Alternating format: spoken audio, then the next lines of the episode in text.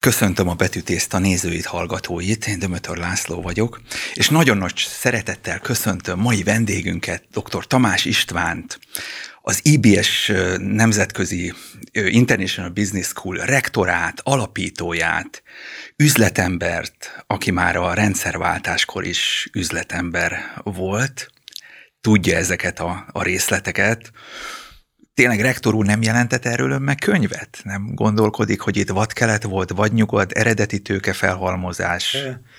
Nagyon érdekes ez.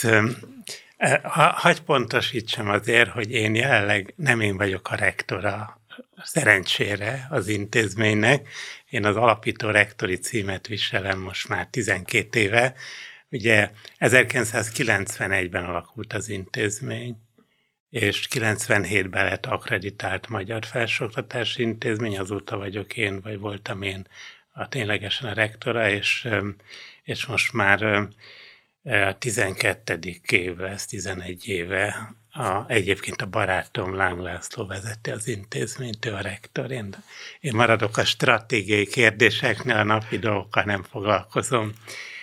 De a kérdése válaszolva, valamikor a 90-es években volt egy diszertáció fél év, nem tudom ezt pontosan, hogy fejezem ki, mert egy amerikai egyetemen próbáltam doktori címet szerezni, amit aztán nem akreditáltak az egyetemet, úgyhogy hivatalosan nem lett az, de oda azt a diszertációt, amit készítettem, ezt Amerikába kiadták egyébként, a magyarországi privatizációról szólt. És egyébként ön olvasó és olvasott ember is. Én nagyon szeretek olvasni.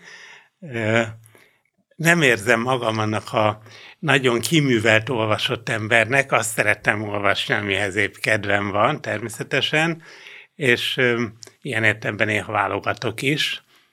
Bár, bár meg kell mondjam, hogy az utóbbi években, ugye most nem csak magamról beszélek, ha bemegy egy ember egy könyvesboltba, egyszerűen meg van zavarodva a választék nagyságától, meg, meg hát nem is értünk hozzá igazán. Én, én, aki egyébként tényleg olvasni szoktam, de engem is megzavar. Viszont az élet úgy hozta, hogy én támogatok egy alapítványt, úgy hívják amúgy nem reklám, hogy Summa Artium, amelyik azzal foglalkozik, hogy kulturális dolgokat támogat, illetve összehozza a támogatót azzal a támogatandó célra, és ők, őket úgy lehet támogatni, hogy van egy könyvklubjuk. Én tulajdonképpen a könyvklubba fizetek elő, és ezért cserébe egyébként minden hónapban kapok egy könyvajánlatot, Török András egyébként, aki ezt vezeti, és András mindegyik, minden hónapban a hónap könyvét, amit ő ajánl, és el is küld egy példányt persze, arról ír is egy rövid recenziót, és tulajdonképpen azt vettem észre, hogy, hogy megoldja azt a problémámat, hogy, hogy én nem tudok, az egyszerűen tényleg nagyon nehéz válogatni. Vannak kedvenc íróim, akiktől szinte mindig mindent elolvasok. De aztán, hogy most ezt vagy azt érdemes, és az ő könyvválogatása az ráadásul olyan, hogy a szép irodalomtól kezdve dokumentarista, sőt, kicsit kvázi tudományosabb műveket is időnként ajánl, úgyhogy egy teljes palettát kapunk. Ilyen emberek is vannak, akik így eltalálják másnak az ízlését. Hát ez az, hogy én nem tudom, hogy milyen, de tény, hogy én, én előfizetek még egy-két embernek, barátaimnak, és azt mondják ők is, amit most én mesélek, hogy tulajdonképpen nekik megoldotta azt a problémákat, hogy nem kell egy könyvesboltba bemenni, ahol nem tudják, hogy most egyáltalán hova menjenek, hanem hát nyilván van olyan könyv, amit nem olvas el, de, de egy, kap egy olyan kvázi keresztmetszetet az adott, Igen. hogy mondjam, időszaknak a megjelent műveiből, ami, ami végül is ad egy áttekintést. De őszinte leszek azért, most szerintem az itt innen kapott könyvek közül szerintem hónapok óta nem olvastam. Most legutóbb éppen egy egy hétkötetes ilyen családregényt olvastam, a Clifton Krónikát, ami általában egyébként nagyon szeretem a családregényeket. Ez a műsor azért jött most létre, hogy egy gazdasági szakemberrel is beszélgessünk, méghozzá a szépirodalomban, ugye a szépirodalom az, az legtöbbször az életről szól. És vannak olyan művek, ahol kifejezetten erős a, a, a vagyoni, a gazdasági és a pénznek a, a vonala. Na most ö, első kérdésem az lenne, mi a pénz? Ön pénz, hogy határozzá meg a pénzt?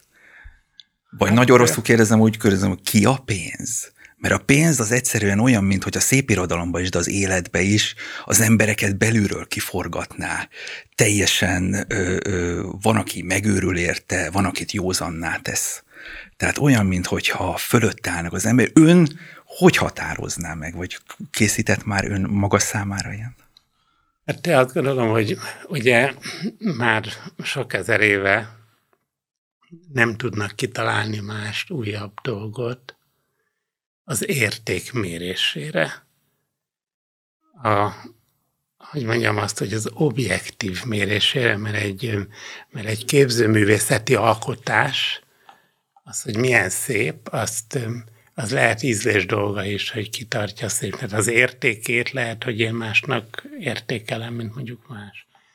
De mégis a teljesítmény értékelését az tulajdonképpen a mai világunkban egyedül a pénzzel mérik. Én azt hiszem, hogy egy ez a pénz, és, és hát azt kell hozzámondani, hogy tudjuk, hogy a pénz nem boldogít, de ami boldogít, az bizony nagyon sokba kerül. Igen. És az emberre gyakorolt hatása? Hát ki tudja fordítani az embereket önmagukból. Azt hiszem az egész világunk úgy működik, hogy, hogy az emberiség is, mint az egész állatvilág mindig küzd a saját maga fennmaradásáért és jobb életéért. Talán az emberek abba különböznek az állatvilágtól, hogy ők bizonyos szint elérése után is szeretnének egy újabb szintre jutni, ez nem jellemző az állatvilágra, és azzal, hogy egy újabb szintre szeretnének jutni, ez bizony gyakran mások rovására történik. Ezt, ezt őrületes hibának, meg bajnak tartom. Nekem van egy véleményem arról, és az üzleti életben is hiszek ebben, hogy, hogy van egy úgynevezett Pareto Optimum elv a közgazdaságtanban, ugye, ami azt mondja, hogy, hogy az a, az a változtatás a, a javak elosztásában valakinek a javára, ami még nem változtatja meg mások irányában a javaknak az értékét. És ez egy nagyon fontos dolog, mert ugye a közgazdaságtanban is, hogy egy picit nagyobb ez a Pareto optimum, mint, amennyi, mint amivel már megváltoztatom esetleg másnak, a, másnak ellenére az én javaimat, akkor azt már én nem tekintem igazságosnak. Szerintem senki nem tekint igazságosnak, csak van, aki ezzel nem törődik. Abszolút hiszek abba, hogy nem is lehet tulajdonképpen se picibe, sem nagyban üzletet kötni, hogyha, hogyha nem az úgynevezett win-win játszmát játszuk, ahol nekem ezért jó, a másiknak meg azért jó. Nem hiszek abba, imádok sakkozni egyébként, ugye sakról tudjuk, hogy az egy zérőösszegű játszma, tehát vagy nyer valaki, vagy veszít, de ez az játék, ugye. De a, az üzleti életben, mint ahogy azt hiszem a társadalmi életben sem hihetünk abban, hogy szabad úgy, szabad úgy jól érezni magunkat, szabad úgy nyernünk, hogy közben a másik veszít az, az azt jelenti, hogy akkor azzal már én is veszítettem. És ebbe az irányba tartunk, rektor úr? Hát ez egy, ez egy nagyon, nagyon jó, nagyon nehéz kérdés erre válaszolni, mert, mert én, én ugye én nagyon szeretném hinni, hogy az emberiség előbb-utóbb ebbe az irányba fog tartani. Nem akarok nagyon távolra visszakanyarodni, de ugye valamikor talán Marx mondta azt, hogy, hogy ugye a, ha a, a termelési, a termelőeszközök, az emberi, a munkaeszközök és a, az embernek a tudása, az egy bizonyos fejlettségi szinten túljut, akkor az megingatja a társadalmi viszonyokat. Ugye ezt egy forradalom fogja aztán újra helyre tenni, ami az elmúlt évszázadokban ilyet láttunk is. Ugye ő eljut oda, hogy és a végállomás az a szocializmus. Egy kicsit úgy érzem, hogy ha a Maslowi hierarchiát nézem, ahol az ember ugye először örül, hogy életben marad, meg nem éhezik, és akkor egyszer csak egyre jobban él, és amikor már nagyon jól él, akkor a piramis csúcsa, ugye a hierarchiában, az az önmegvalósítás, amikor már, amikor már túl vagyok a, amikor már túl vagyok az anyagi javak élvezetén. És valahol én úgy értékelem, hogy a Marx elképzelése a szocializmussal ez volt. És ő nem véletlenül mondta, hogy a kapitalizmust fogja követni a szocializmus, amikor, vagy kommunizmus, amikor már mindenki ö, azt szerint fog dolgozni, ahogy az neki jól esik, és azt szerint fog a közös javakból De kívülni. akkor nincsen emberarcú kapitalizmus? Hát azt gondolom, hogy ahhoz, hogy eljussunk egyáltalán ehhez a szinthez, és azért nem nevezem kommunizmusnak vagy szocializmusnak, mert ez nagyon negatív érzülettársul hozzá, miközben maga a konvergencia elmélet is azt mondja, hogy a két társadalmi formáció az ugye konvergál egymáshoz, mert minél tökéletlenebb lesz a kapitalizmus, a piaci viszonyok, annál inkább kénytelen egy kicsit tervszerű lenni, mint amilyen a szocializmus. Nem hiszek ebben, én abban hiszek, hogy a, hogy a kapitalizmus, a piacgazdaság az önmagában korrigálja saját magát, és ahol szükség van rá, jelen pillanatban is, de száz évvel ezelőtt is beavatkoztak a kormányok, és ez egyáltalán nem baj, tehát erre szükség is van.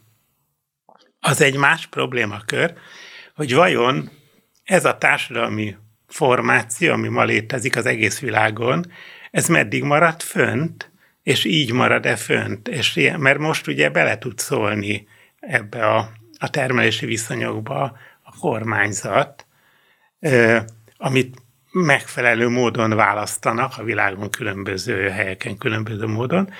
De, de én azt gondolom, hogy most megint eljutottunk egy olyan, olyan ö, termelési viszonyszintre, amikor ugye a, azt, én azt látom, lehet, hogy tévedek persze, azt látom, hogy ma a, ez a digitális világ, ugye a hardware, a hozzátartozó emberi tudása a szoftverrel már messze olyan dinamikával fejlődik, hogy szükségszerű, hogy a társadalmi viszonyokba ez egyszerűen változást idézen elő.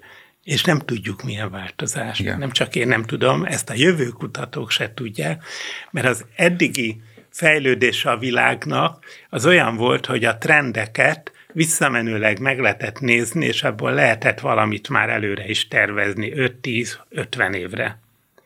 Ma néhány év alatt olyan fejlődés megy végbe, hogy nem, hogy 10-50 évre, de egy-két évre sem mer az ember már előre tervezni, mert fogalma sincs, hogy mi lesz a jövője. Nagyon sok szépirodalmi alkotás szól utopisztikus államokról, társadalmi Van. berendezkedésekről. Van. Ennek a nagy része azért negatív. Tehát nagyon Abszolút, erősen negatív. ez így van. Én egyébként nagyon szerettem a skifi irodalmat is. Részben azért, mert én azt gondolom, hogy a skifi irodalom az nem a jövőről szól, hanem a, a már most látható, várható problémákról szól én úgy fogalmaznám, mint ahogy, a, mint hogy nagyon szeretem a kortárs irodalmat, ami azt gondolom, hogy az szól valójában a közeljövőnkről. Én úgy érzem, hogy általában az írók sokkal érzékenyebb emberek, mint mondjuk én, meg egy átlagpolgár, és ezzel az érzékenységükkel ők már most megérzik, hogy azok a folyamatok, amik körülöttünk zajlanak, azok mit hozhatnak, vagy mit fognak hozni a közeljövőben, nem a távol, a közeljövőben. Tudna esetleg mondani, ajánlani hallgatóknak nekünk? Aki hát, nagy hatással volt önre, vagy most olyan... olyan hát nehéz dolgom van, Előbb a, a Skifiről volt szó. Már nagyon rég olvastam egy könyvet, azt hiszem Hoyle-nak a Fekete Felhők című művét, ami az 50-es években jelent meg, és arról szól, hogy a Földhöz közeledik egy nagy sötét felhő, és az már kiderül a könyv elején, hogy, hogy a maga felhő, vagy a felhőben valamilyen értelmes lény van. Viszont ha nagyon közel ér a Földhöz, akkor olyan sötétség lesz, hogy a nap nem fog megvilágítani minket, mindenki elpusztul. Ezért valamilyen módon kommunikálni kell a felhővel, és akkor összeültetnek talán a Nagy-Britániába hét tudóst, úgy zárják be őket egy kastélyba, hogy teljesen hermetikusan, hogy ne tudjanak semmit a külvilágtól, egy inas van velük, vagy egy komornyik van velük, akik őket, aki őket kiszolgálja folyamatosan, és ezek a tudósok ö, kezdenek rájönni, hogy hogy tudnának a felhővel kommunikálni, de az a készülék, amit a fülükre tesznek, hogy kommunikálnak, aki azt meghallja, a felhőből jövő kommunikációt, az mind bele betegszik, bele bolondul.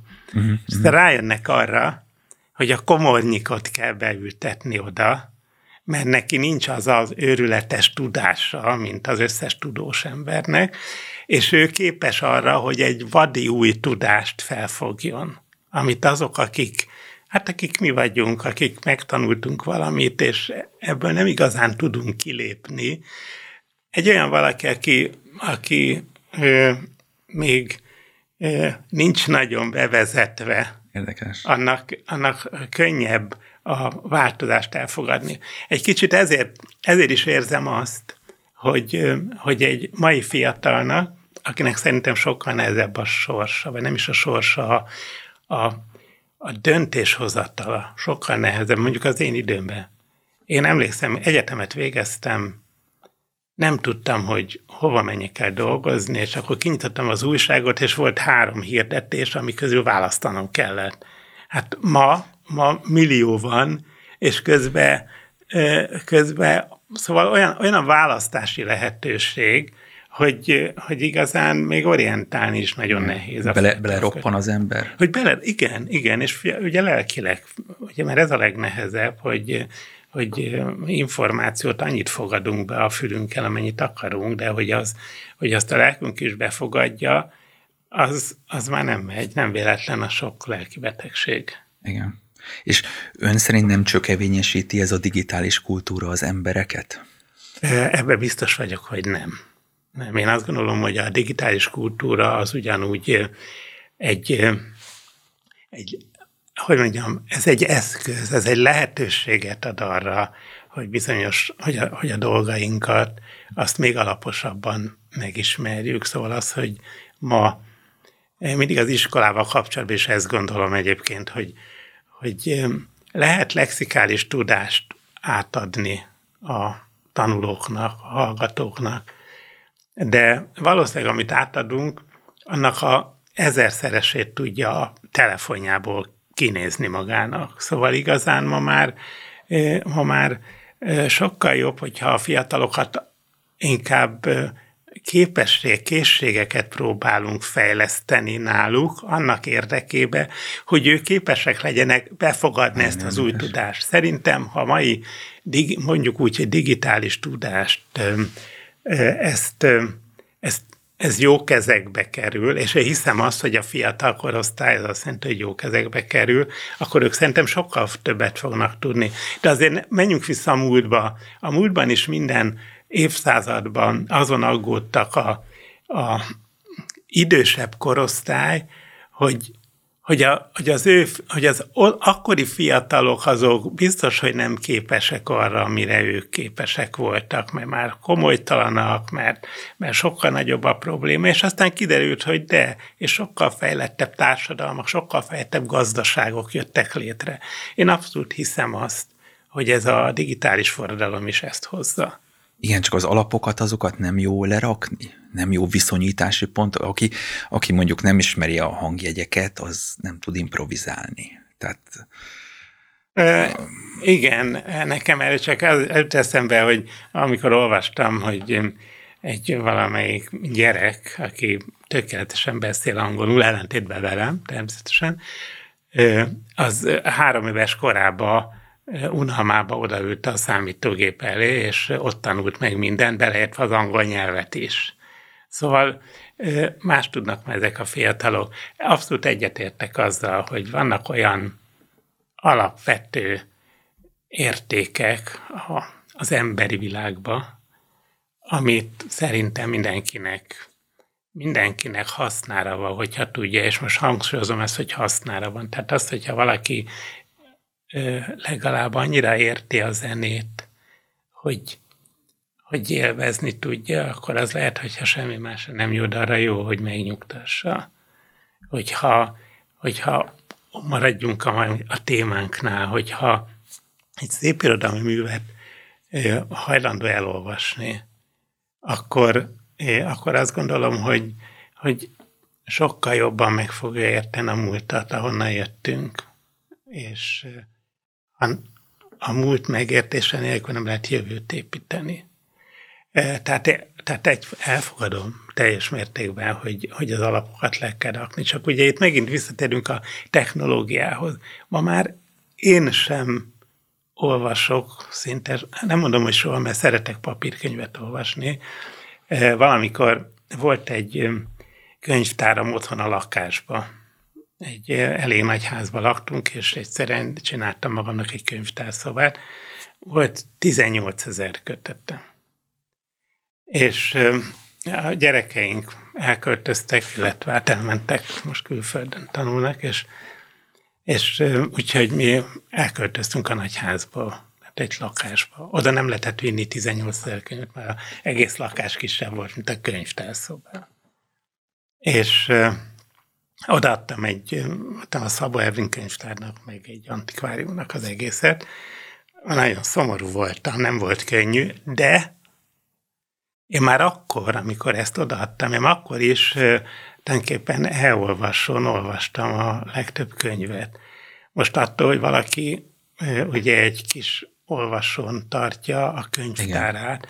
Attól Igen. ő még ugyanúgy tud olvasni, hogyha akar. Tehát itt, a, itt az akarat kérdése van. Igen. Igen. Nem tudom, hogy az általános iskolától kezdve a, a mai oktatás az vajon fektet elegendő hangsúlyt arra, hogy megszerettesse az olvasást, mert ugye nem az, hogy van kötelező olvasmány, és ezt el kell olvasni, a legtöbben ugye pont azt nem akarják, de, de én azt gondolom, hogy az olvasás megszerettetése az egy más műfaj, és lehet, hogy sokkal fontosabb feladatom a, a tanároknak, hogy megszerettessék a gyerekekkel az olvasást, a művészeteket. Önnel ki szerettette meg? Hogy, hogy szerette meg? Az olvasást. Ez egy érdekes kérdés egyébként, mert nálunk a családban, az egész családom, ahonnan származom, szinte mindenki nyomdász volt, vagy valahogy a nyomdaiparból került elő, de nem könyvolvasók voltak, hanem nyomdászok, akik előállítják a könyveket. És az édesapám ő nagyon szeretett otthon könyvborítókat tervezni és a, nekem az első élményeim azok mindig a könyvnek a külalakjáról szólnak. Ezért is volt nehéz átállni egyébként Aki az elolvasóra. Mert hogy, mert hogy igen, az, ránéz az ember egy, egy könyvborítóra, azt kell, hogy mondjam, hogy félig meddig eldönt, hogy azt a könyvet akarja vagy nem. Igen, aztán óriásit is lehet tévedni. Le, így van, hát sőt, ez alapvetően előfordulhat, de hát mégis azt gondolom, hogy ez úgy az emberre ránézünk, akkor egy perc alatt lejön rólunk, hogy most szimpatikus lesz az illető vagy sem, aztán persze sok minden megváltozhat, de, de azért ez fontos, és így bízom a könyveknél is. És én igazándiból a, a külsőséget szerettem meg benne, de otthon is nagyon sok könyvünk volt, már gyerekkoromban is, de én az általános iskolában, amikor megtanultam olvasni, nagyon-nagyon rosszul tudtam olvasni, és pontosítom, nagyon lassan tudtam olvasni, mert én sokáig mindent kiolvastam, tehát hangosan is, meg magamban is. És tudom, hogy meglepő, amit most mondok, Én a mai napig úgy olvasok bármit, hogy magamba persze, de kiolvasom a szöveget. Viszont olyan szintre jutott a technikám, hogy nagyon gyorsan olvasok, de mondom, de én mindent kiolvasok betűről betűre. Nagyon és, és amikor olyan, olyan 20-21 éves koromra jutottam el oda, hogy ezzel a, ezzel a lassú olvasáson felgyorsult annyira, hogy, má, hogy már élvezni tudtam a könyvet. Ugye, mert azért ez itt kezdődik, hogyha tényleg nem tudok végigolvasni valamit, tehát igen, nem tudok igen. olvasni, akkor, akkor nem tudom értékelni a tartalmat, nem is értem a tartalmat. Hát sajnos Magyarországnak legnagyobb problémája, hogy, hogy azok az emberek, akik egyébként írni, olvasni elméletileg tudnak, de de hát szöveget érteni meg nem tudnak. És ez, ez nekem erről szól, hogy akkor ők nem tudnak olvasni ők csak a, megtanulták a betűket. Amerikában nem így van? Ez, ez az egész világon így van. Bocsánat, ez nem Magyarország egyébként. Én azt gondolom, hogy, hogy van jó néhány olyan ország ma már a világon, ahol sokkal nagyobb figyelmet fordítanak arra, hogy a gyerekeket tényleg jobb módszerekkel tanítsák. A világon nagyon sok ország van, ahol, ahol kísérleteznek. Hát ugye az én, én hogy mondjam, helyzetemnél fogva az egyetemeket figyelem inkább, hogy ott mi van, ott is teljes változás megy végbe egyébként. Nem, nem tudom, hogy a következő 20-25 évben egyáltalán megmarad-e az az egyetemi rendszer, ami például ma a világon van, hogy lehet, csak például mondok valamit, lehet, hogy, hogy tíz év múlva már a diákoknak a többsége az egy ilyen általános műveltséget adó egyetemre fog menni. Én mindig mondom, hogy aki nem tudja, hogy mi legyen 18 es korában, és a legtöbben nem tudják, azok menjenek egy ilyen generalista iskolába. Menjenek bölcsésznek? Hát elment bölcsészen, de például mondhatom az IBS-t, mert elment az IBS-be, ahol megtanulja azt a marketinget, hogy egész életében hogy kell magát eladni. Ezt megtanulja. Nem semmi.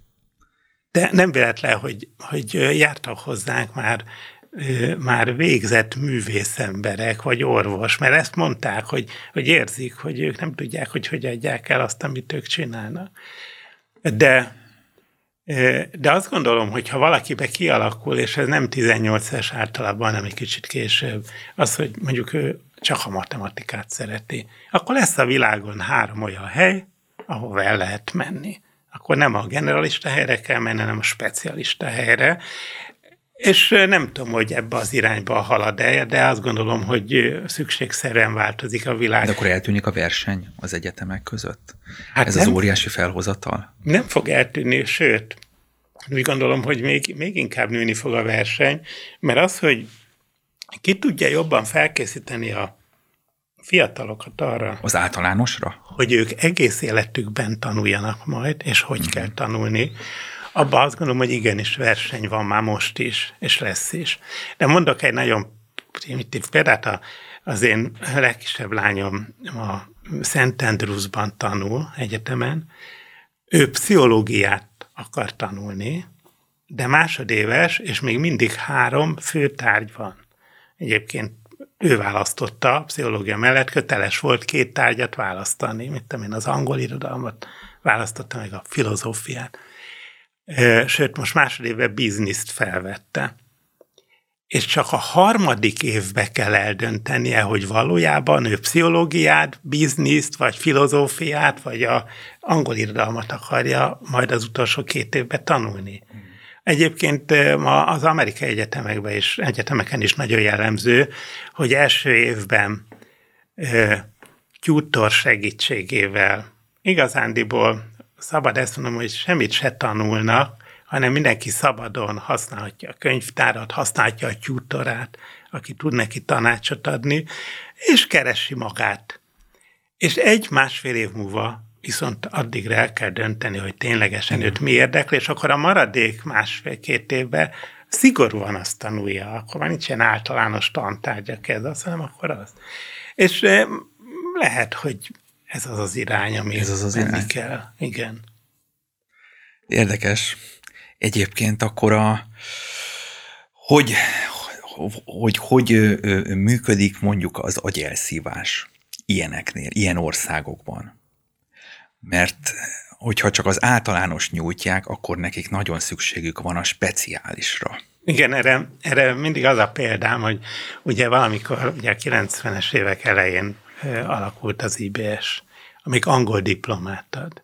És én már az első percben azt mondtam, hogy én nekem azért fontos, hogy Magyarországon legyen angol diploma, hogy, hogy választhassanak a fiatalok, hogy ők ezt az angol száz kultúra oktatásában akarnak részt venni, vagy az úgynevezett poroszosba. És ugye Magyarországon és általában a kontinentális Európában ez a porosz oktatási kultúra jellemző. Ezt ő rossznak tartja? Nem. Másnak tartom, mint az angol, anglo-amerikait. A porosz oktatás az tulajdonképpen egy úgynevezett követő rendszer. Azt jelenti, hogy olyan szigorú szabályossággal tanítok mindent, hogy nagyon-nagyon gyorsan behozzam a nálam jobbat. Ugye ez egy abszolút pozitív, és azt gondolom, hogy nagyon jó. Az angol az nem ezt mondja, ő azt mondja, hogy ő eleve a legjobb akar lenni, tehát neki az a fontos, hogyha minél szabadabb a, a kommunikáció, hogyha minél több az a kötött foglalkozás, amiben a konkrét lexikális tudás kerül át, és sokkal több az önálló feladatok elvégzése, mert az, az húzza, hozza ki a kreativitást, tehát, és azt kell megtanulni, ezt a kreatív gondolkodást. És én a kettő között, tehát nincs olyan, hogy ez a jobb, vagy az a jobb.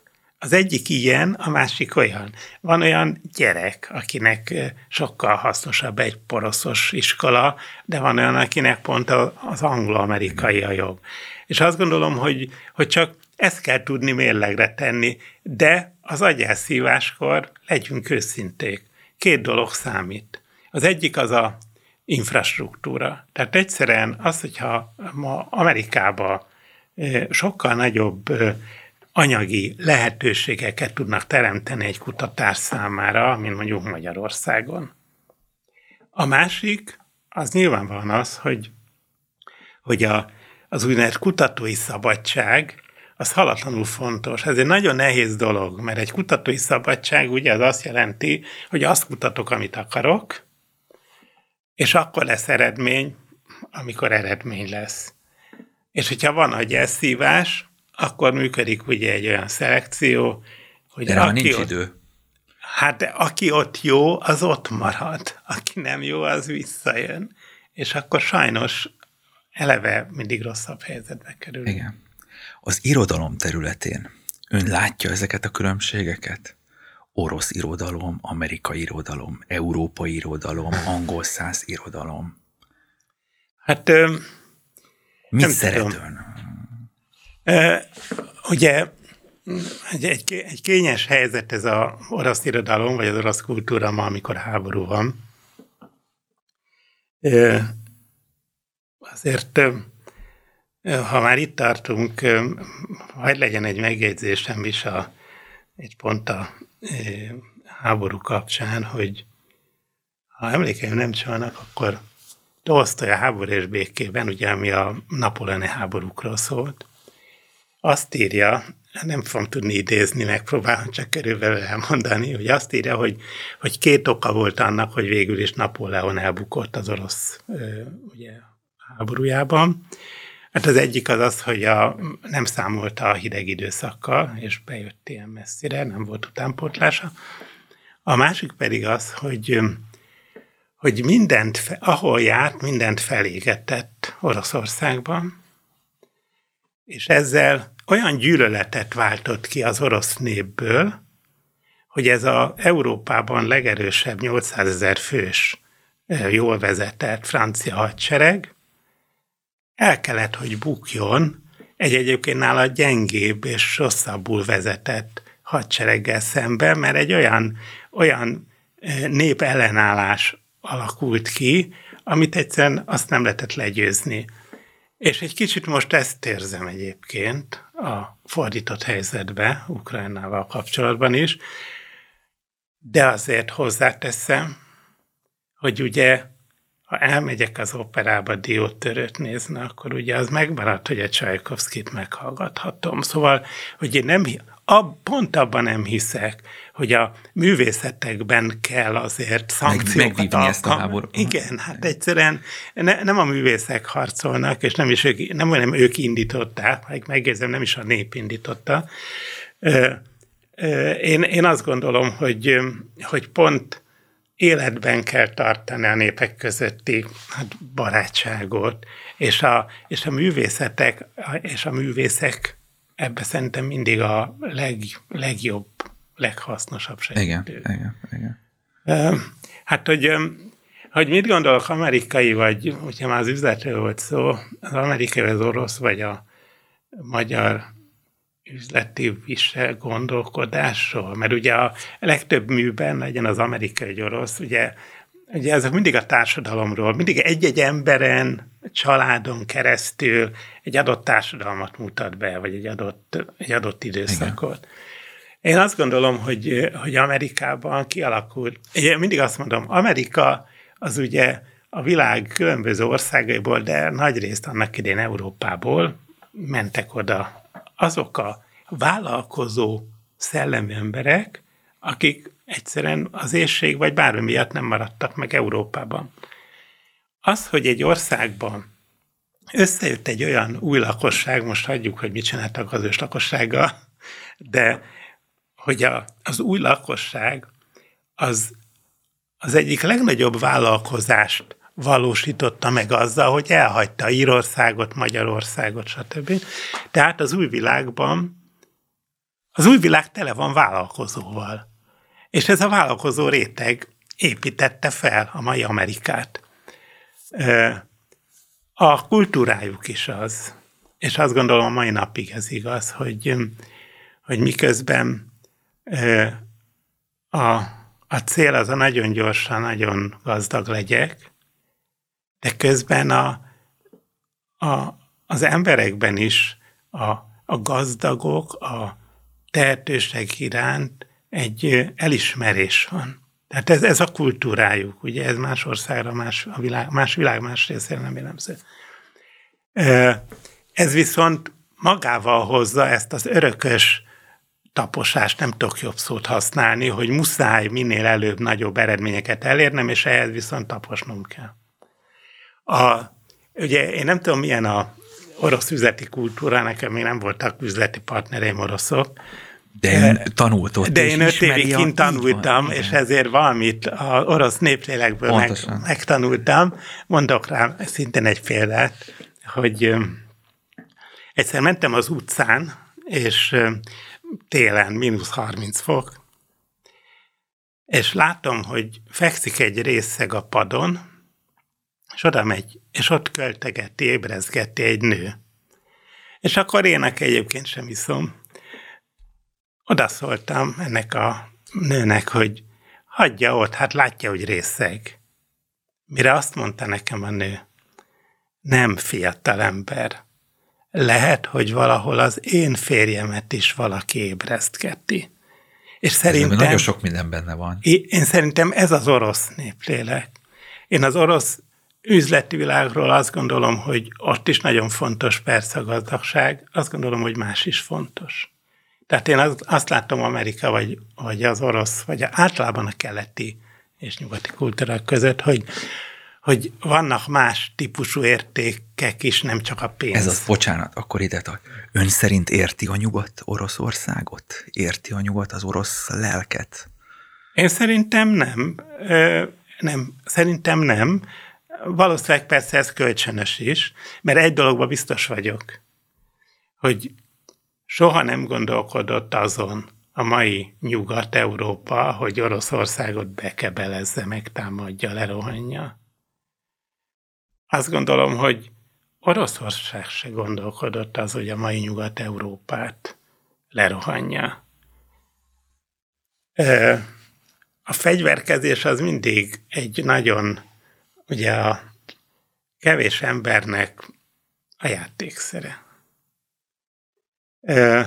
Viszont ez a kevés ember többnyire hatalomba kerül, politikai hatalomba. Erre mondtam egyébként a beszélgetés elején, hogy nem tudom, hogy mi lesz itt a világban 10-20 év múlva, tehát hogy a társadalmi viszonyrendszer esetleg, mert úgy megváltozik, hogy lehet, hogy csak ilyen lesz, és még rosszabb lesz a helyzet, de lehet, hogy teljesen más lesz a helyzet, és akkor még örülhetünk. Én azt gondolom, hogy a legnagyobb baj mindig a világban az, hogy kölcsönösen nem értjük meg egymást kölcsönösen nem értjük meg egymást, és hogyha e, na, hogy, hogy kommunikálni mindig kell, és én, én, én, én ma azt látom, hogy, hogy a legszomorúbb, hogy, hogy tényleg néhány hatalomba levő ember dönt emberek millióinak a sorsa fölött. E, ezt ezt tartom hát tulajdonképpen bajnak, nem tudok jobb szót rá, hogy ha most megkérdeznék itt tényleg sok-sok orosz embert, hogy nem az, hogy a háborút szeretne, hanem hogy ő el akarja foglalni Ukrajnát, mert ugye valaha tudjuk, hogy azok a területek, beleértve egyébként Lengyelország egy részét is, az orosz, az orosz cári birodalom része volt. Uh, ahogy a Krímben ma a lakosság 80%-a orosz.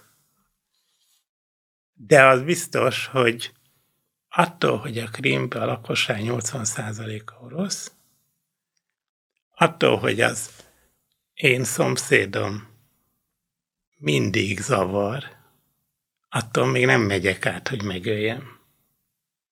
Tehát ezért gondolom, hogy, hogy kell, kell találni olyan kompromisszumot, ami az üzleti közgazdasági életben a parétó optimum. Igen amikor csak annyira jobb az egyiknek, hogy azzal nem rossz a másiknak.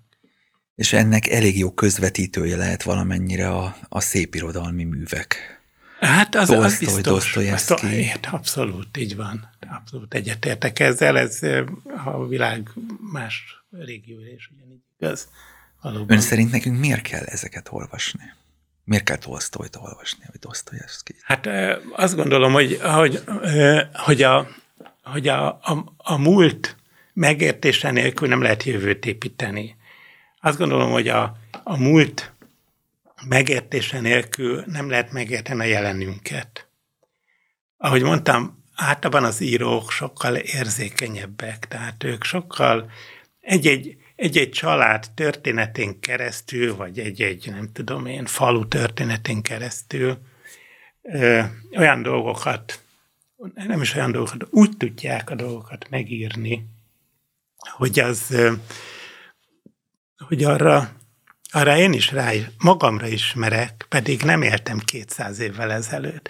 A, nagyon szeretem Ken Follett írta annak idején a Katedrális cíművet, ami ugye 1100-1200-as években a katedrális építéséről szól, és akkor van benne egy, ugye a, az, most már az apának a fia, aki, aki elmegy ö, ö, Angliából Franciaországba, Spanyolországba, hogy megtanulja a katedrális építését, mert ott már előbbre vannak, ami csak akkor derült ki, amikor oda ment, és vándorolt ott éveken keresztül. És hogy mennyire igaz, hogy a mai napig igaz, hogy egyszerűen a fiataloknak el kell menniük külföldre.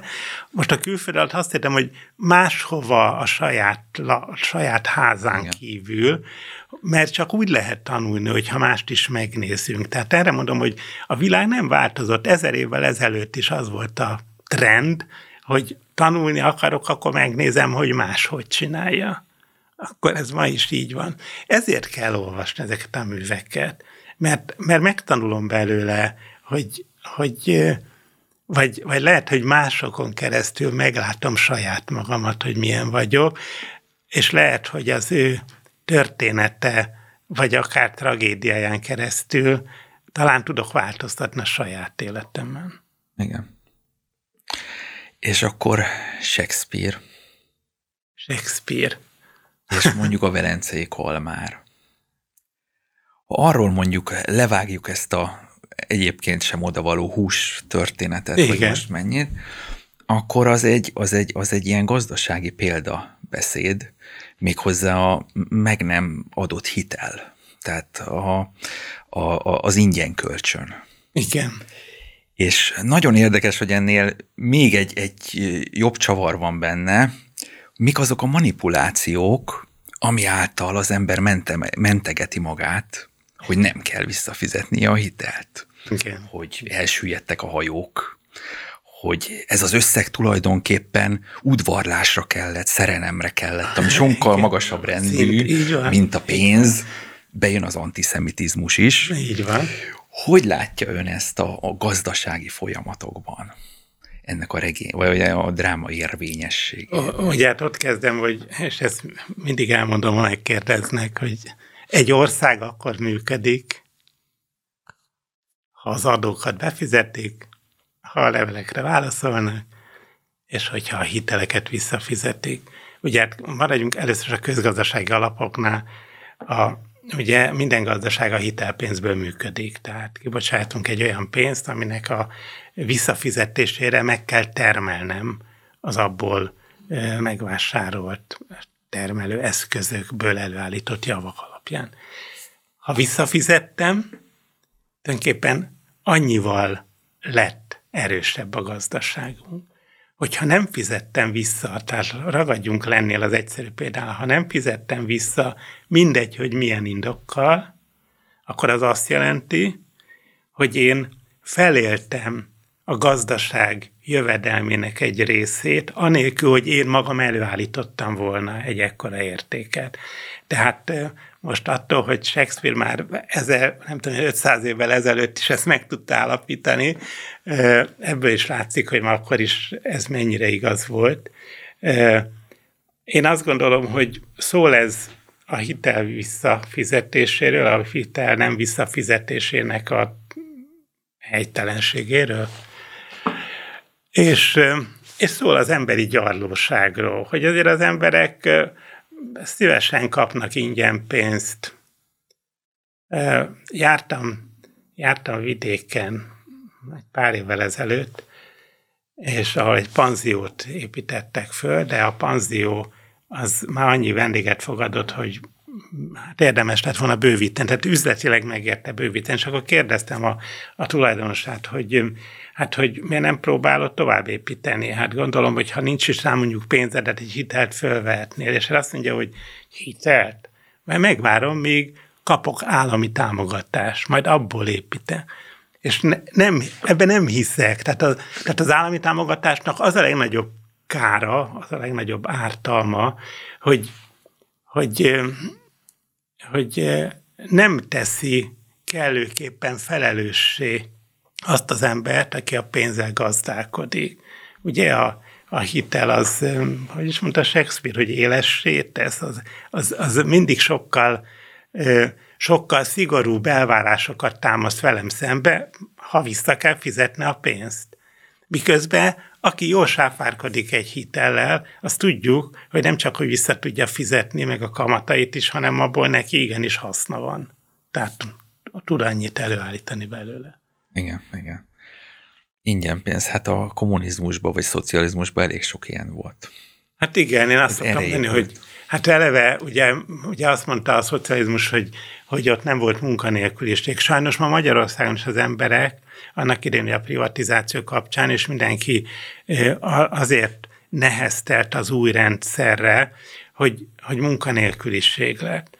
Holott, ha belegondolunk, munkanélküliség a szocializmusban is volt, csak házon belül volt, és, és azt mondjuk, hogy kevés pénzt kerestünk, fogalmazunk pontosan, kaptunk munkanélküli segélyt. Az nem volt olyan sok, persze, most se sok. De, de ugye hát de, bocs, bocsánat, hogy ilyet mondok, járok valahova teniszezni, és van ott a bejáratnál egy sorompó, a sorompónál ül egy ember, egy asszony aki mikor megérkezem, akkor kinyitja a sorompót, beenged. Amikor távozom, leengedi. Még soha nem kérdezte meg, hogy, hogy én hova megyek, vagy milyen, hogy kerülök ide. Beenged, kienged. És akkor a barátomat kérdeztem, hogy te figyelj, te láttad, hogy itt, hogy itt van egy nő, és az csak nyitogatja a sorompót, az, de soha nem kérdez semmit, minek van itt? De azt mondta, hogy hát itt felejtették a szocializmusból. Hát igen, ez van. Érdekes. A másik mű, amit szerettem volna kérdezni. Stendhalnak van a vörös és feketéje. Igen. És abba Julien Sorel, mint egy ős bolsevik forradalmár, gyűlöli a gazdagokat. Mindegy, hogy férfi vagy nő, öreg vagy gyerek. Egyszer, és egyébként a, a könyvbe végigvonul, hogy az ő, ő, ő viszonyulása a gazdagokhoz nagyon ambivalens. Tehát a, a, meg, meg, meg a gazdagsághoz is. Tehát ezt ő soha nem tudja levetni. És le kell tudni vetni egyébként. Szerintem igen. Nem nézi az embernek a, a, az emberi minőségét, semmit. Ha gazdag, rögtön gyűlölni kezdi. Hát igen. És ez végigvonul, ez, ez, ez egy-egy elejtett mondatából is Stendának végigvonul az egész történeten. E, igen, ugye ez a, a gazdagságnak, vagy a gazdagoknak a gyűlölete, az nyilván egy társadalmi helyzetből adódik. Bár megkockáztatom, hogy, hogy minden embernek van egy alaptermészete, és hogyha valaki mondjuk hogy alapvetően gyűlölködő, akkor az mindenkivel szemben gyűlölködő, és mindig meg fogja találni a módját, vagy az okát annak, hogy miért gyűlölködjön. A, ahogy már a, beszélgettünk az elején erről, hogy a, ugye a pénz az egy értékmérő, de ezért mindenki a pénzhez valahogy viszonyul. És hogyha az az ember, aki, aki már elérte azt az anyagi szintet, ami, ami az ő jó érzéséhez, életéhez kell, akkor, akkor lehet benne továbbra is az, hogy ő még többet, még még többet akar, és sokkal vannak így. Ö, azt gondolom, hogy ma az emberek jelentős része nem akarok százalékot mondani, de szerintem a világ lakóinak szerintem legalább 80 százaléka él olyan körülmények között, amiben, amiben joggal mondja azt, hogy ő ennél többre vágyik. Most anyagi értelemben többre vágyik. És, és hogyha ebben a 80 százalékban csak átlagosan nézem meg, hogy mennyi a gyűlölködő, akkor, akkor nem csoda, hogy a gazdagokkal, a jómódúakkal szemben gyűlölködés van, nem csak Stendhal idején, hanem a mai napon. Igen. Csak érdekes, hogy ez Európában jelenik meg, és olyan, mintha azért Európa valami fogékony. Mert azt gondolom, igen, mert azt gondolom, hogy Európa szerintem, különösen szerintem közép-kelet-európára jellemző, hogy igenis fogékony erre a típusú gyűlölködésre. Én nem tudom miért amúgy. Ahogy mondtam, hogy Amerikában az egy az egy büszkeség. Ott, ott megkérdezek egy szegény ember, hogy, hogy milyennek látja a gyereke jövőjét, akkor azt mondja, hogy ő is majd gazdag lesz. Tehát, de mert az, mert az egy pozitív dolog. Magyarországon és, és azért most Magyarországot használom, itt élünk, ez a hazám, de, de egész közép-kelet-európára szerintem jellemző, hogy, hogy, a, hogy nagyon, hát nagyon nagy az individualizmus. És ezt a szocializmus egyáltalán nem tudta helyre tenni, pedig elvileg tulajdonképpen a társadalmi, hogy mondjam, rend pont ezt igényelte volna, vagy mondhatta volna. És ez az individualizmus, ez azzal jár, hogy, hogy még a gazdag is gazdagabb szeretne lenni, és sajnos a gazdag is a szegények rovására szeretne gazdagabb lenni. És e, tehát, hogy mondjam, e, nem azt mondom, hogy jogos, inkább azt mondom, hogy érthető, ha egy rosszabb módú ember a gazdagokkal szemben inkább gyűlölettel, irítséggel viseltetik az irigység, hagyjál mondom, ez a gyűlölet inkább az, ami, hát ami, ami az, azért van, mert, mert semmit nem, semmit nem kap vissza, most nem a szó anyag értelmébe, hanem, hanem nem, nem tud büszke lenni rá. Azért a világban nagyon sok olyan gazdag ember volt, Európában is nagyon sok olyan gazdag ember volt, aki a művészeteket támogatott, kultúrát támogatott. Végül is, ha belegondolunk, a legtöbb jómódú ember nek a, a neve azért maradt fent. Mert nagy mecénás mert volt. Nagy mecénás volt. Nem, hogy, ja. hogy mi, mi másért maradt volna. ez e, úgyhogy igen, én ezt, ezt nagyon szomorúan tartom, és én ezt e, sajnos mondhatom, hogy mindenfajta politikától függetlenül érzem azt, hogy ez, ez nagyon-nagyon lassan tud változni, ez, ez az emberi lélek. És megváltoztathatjuk a világot. Én személy szerint például hiszek abba, hogy ugye nagy viták vannak ezen Magyarországon is, hogy, hogy ez az, az úgynevezett alapjövedelem, ami ugye mindenkinek egységesen járna, hogy ez most jó vagy nem jó. Én abszolút azt gondolom, hogy jó. Amúgy ez az én véleményem, mert eleve még üzletileg se lehet, vagy közgazdaságilag sem hiszem, hogy rossz, hiszen sok minden mást kivált. De azért az nagyon fontos, hogy, hogy mindenki egy bizonyos életszínvonalat tudjon tartani, ami nagyon alacsony, de nem azzal van elfoglalva, hogy nehogy éhen halljak, hogy nehogy megfagyjak. Mert ez egy ilyen alapjövedelem, ez biztosítja. Hogyha... Csak hogy kérdés, az megoldása a gyűlöletre?